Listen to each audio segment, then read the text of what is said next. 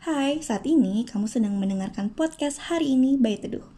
Di podcast hari ini, kita akan banyak ngobrol tentang topik ringan yang ada di sekitar kita dan tentunya berkaitan dengan keuangan kita. Hai, balik lagi dengan saya Cynthia dan juga Sandra, kami dari Teduh. Dan hari ini kita akan masih ngelanjutin topik yang kemarin ya, yang kemarin sebelumnya. episode sebelumnya, ngebahas soal uh, at- kelola uang, Uang di luar negeri negeri, dalam hal khususnya di ini Belanda. di Belanda ya, di tempat kita gitu. Jadi gimana tuh San? Nah, kemarin itu kan kita bahas mengenai pengeluaran ya, kira-kira tips hemat apa aja sih yang bisa kita lakukan. Pertama dari makanan, kemudian juga eh, Jalan-jalan ya. jalan-jalan yang cari-cari tiket dari jauh-jauh hari. Nah, kalau yang sekarang ini kita akan membahas gimana caranya, apa ya namanya ya, namanya hidup di luar negeri dan kita udah udah berusaha semaksimal mungkin untuk kelola keuangan tapi kok rasanya Masih kok mepet mepet, ya, banget ya. Nah, ada beberapa solusi sih yang bisa ya mungkin kita bisa berbagi ya Mbak ya di sini. Tapi sebelumnya Mbak Cynthia mau membahas dulu tentang dana darurat ya. Kenapa butuh sekali dana darurat ketika kita hidup di luar negeri? Iya, jadi memang pada dasarnya tuh dana darurat dibutuhkan di mana pun kita berada. Kuncinya dana darurat itu harus disiapkan di mata uang di mana kita tinggal, San, gitu. Oh, nggak boleh ya kalau mata uangnya Indonesia. Iya, jadinya nanti ada resiko tambahan Oh, dong, gitu resiko kurs kan. Kurs, Jadi ya. tadinya udah nyiapin dana misalnya 10 juta gitu, terus tiba-tiba kursnya Indonesia jelek rupiah, jadinya dananya sebenarnya jadi berkurang kan gitu. Oke. Jadi sebisa mungkin kalau misalnya memang kita tinggal di luar negeri tetap ada tuh yang namanya dana darurat yang buat kita hidup di eh, sini di Belanda terutama jadi dalam bentuk euro.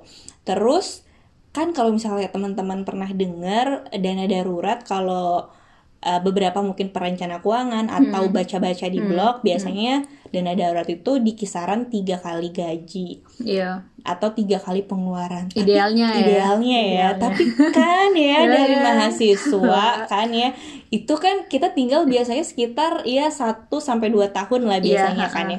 Nah, itu biasanya sulit banget tuh untuk mencapai angka tersebut gitu. Jadi gimana caranya Eh, bener nggak sih harus tiga kali gaji gitu? Sebenarnya kalau saya sendiri di sini juga bilang nih ke teman-teman mahasiswa, Mm. yang penting adalah satu kali gaji, ya maksudnya satu kali pengeluaran. Jadi satu Untuk kali hidup pengeluaran ya. untuk hidup ya. Hidup yang di utama banget ya. nih, Ha, yang ha, kayak ha. misalnya untuk rumah, yang asuransi, Iya, terus eh, apa gitu yang wajib-wajib Eh, ya. makanan. Makanan yang pokok banget, jadi yang jalan-jalan ntar dulu lah. Ha, Pokoknya ha. yang pokok-pokok yang pokoknya nggak bisa hidup dari situ ya harus ditambahin di situ. Jadi satu kali gaji, satu kali pengeluaran tersebut utama ditambah dengan tiket PP. Oh iya. Karena kita juga sebagai orang Indonesia masih tinggal di keluarga di Oh iya, Indonesia di ya. Indonesia. Kita juga kadang butuh dalam kondisi darurat Hmm. kembali ke Indonesia. Jadi pastikan punya satu dana itu Mm-mm. dengan harga tiket paling tinggi Mahal ya, ya, paling Oh, tinggi paling ya. tinggi ya. Jadi kita tuh udah kira-kira dananya biaya hidup misalnya 500 euro misalnya kan 500 euro plus biaya tiket PP yang paling mahal misalnya 500 euro berarti paling enggak butuh 1000 euro Butuh gitu. 1000 euro ya. Dan itu nggak boleh diutak-atik ya, Mbak ya? Oh, sebisa mungkin nggak bisa diutak-atik gitu. Oke. Kan mungkin kalau di sini kan suka ada sel-sel dan teman-temannya. Iya, yang padahal 1000 euro lumayan bisa banyak banget ya, bisa dipakai buat yang Buat lain yang gitu. Jadi idealnya Iya. seperti itu, tapi masing-masing orang pasti sudah punya eh ya biasanya Caranya ya, caranya, sendiri caranya untuk sendiri ya. mencapai gitu. Tapi sebenarnya juga bisa nih kalau nggak ngumpulin dana darurat nih untuk Hmm. yang tiket nih Iya.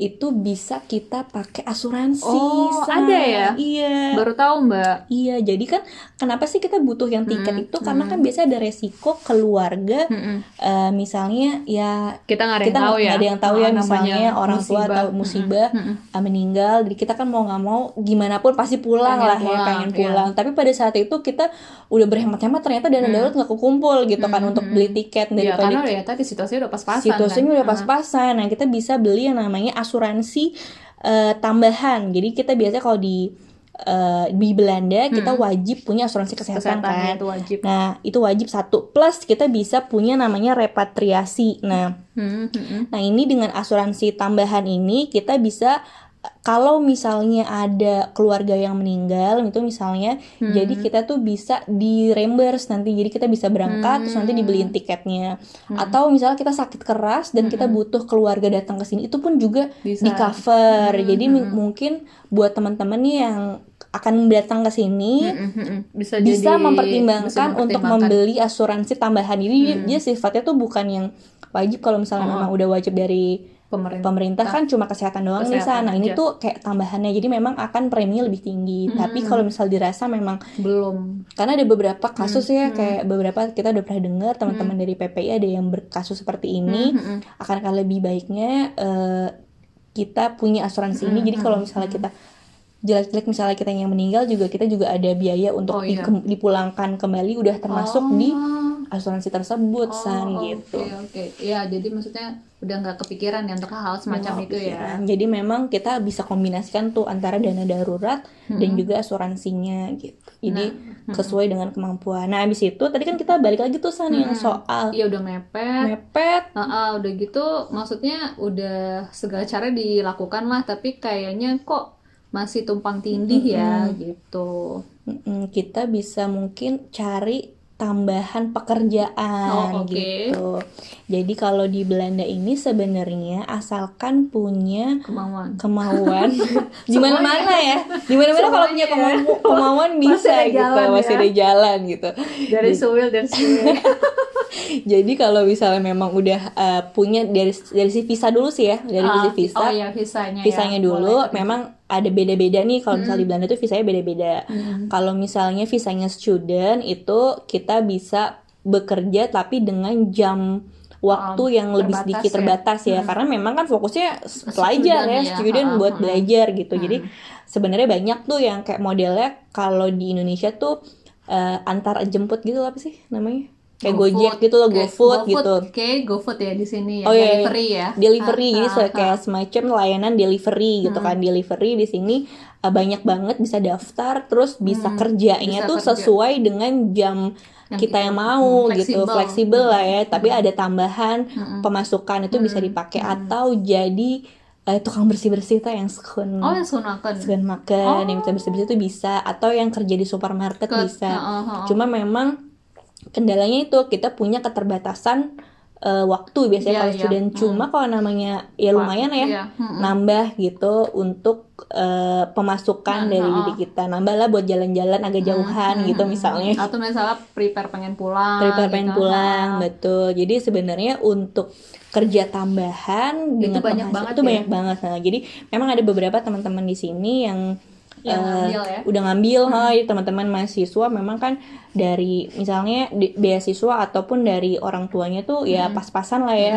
Untuk yang penting untuk kuliahnya. Nah untuk biaya hidup mereka akan cari tambahan dengan bekerja sampingan itu. Dan itu juga udah biasa nih buat teman-teman kita yang orang Belanda sendiri bahkan Oh iya. memang kan mereka eh, membiayai kuliahnya sendiri ya. Mm, mm, mm, dan betul. juga membiayai hidupnya sendiri san. Dan mereka udah biasa banget memang untuk bekerja eh, Iya, sampingan. hmm, jadi nggak apa tidak sesuatu yang eh, iya iya. jelek kayak apa. Itu sebenarnya biasa aja Biasa gitu. aja, dan emang orang memang dari bahkan sekolah ya dari uh, umur mungkin SMA gitu ya itu udah biasa untuk sebagai kayak di supermarket bantu-bantu iya, gitu. Iya, biar mereka tahu juga kan kayak sistem kerja tuh kayak gimana. Dan kalau misalnya udah maksudnya kayak mulai bekerja dari kecil ya bukan masalah uangnya ya, tapi kita jadi lebih ngehargai uang ya, maksudnya nggak nggak gampang loh buat dapetin uang kayak gitu.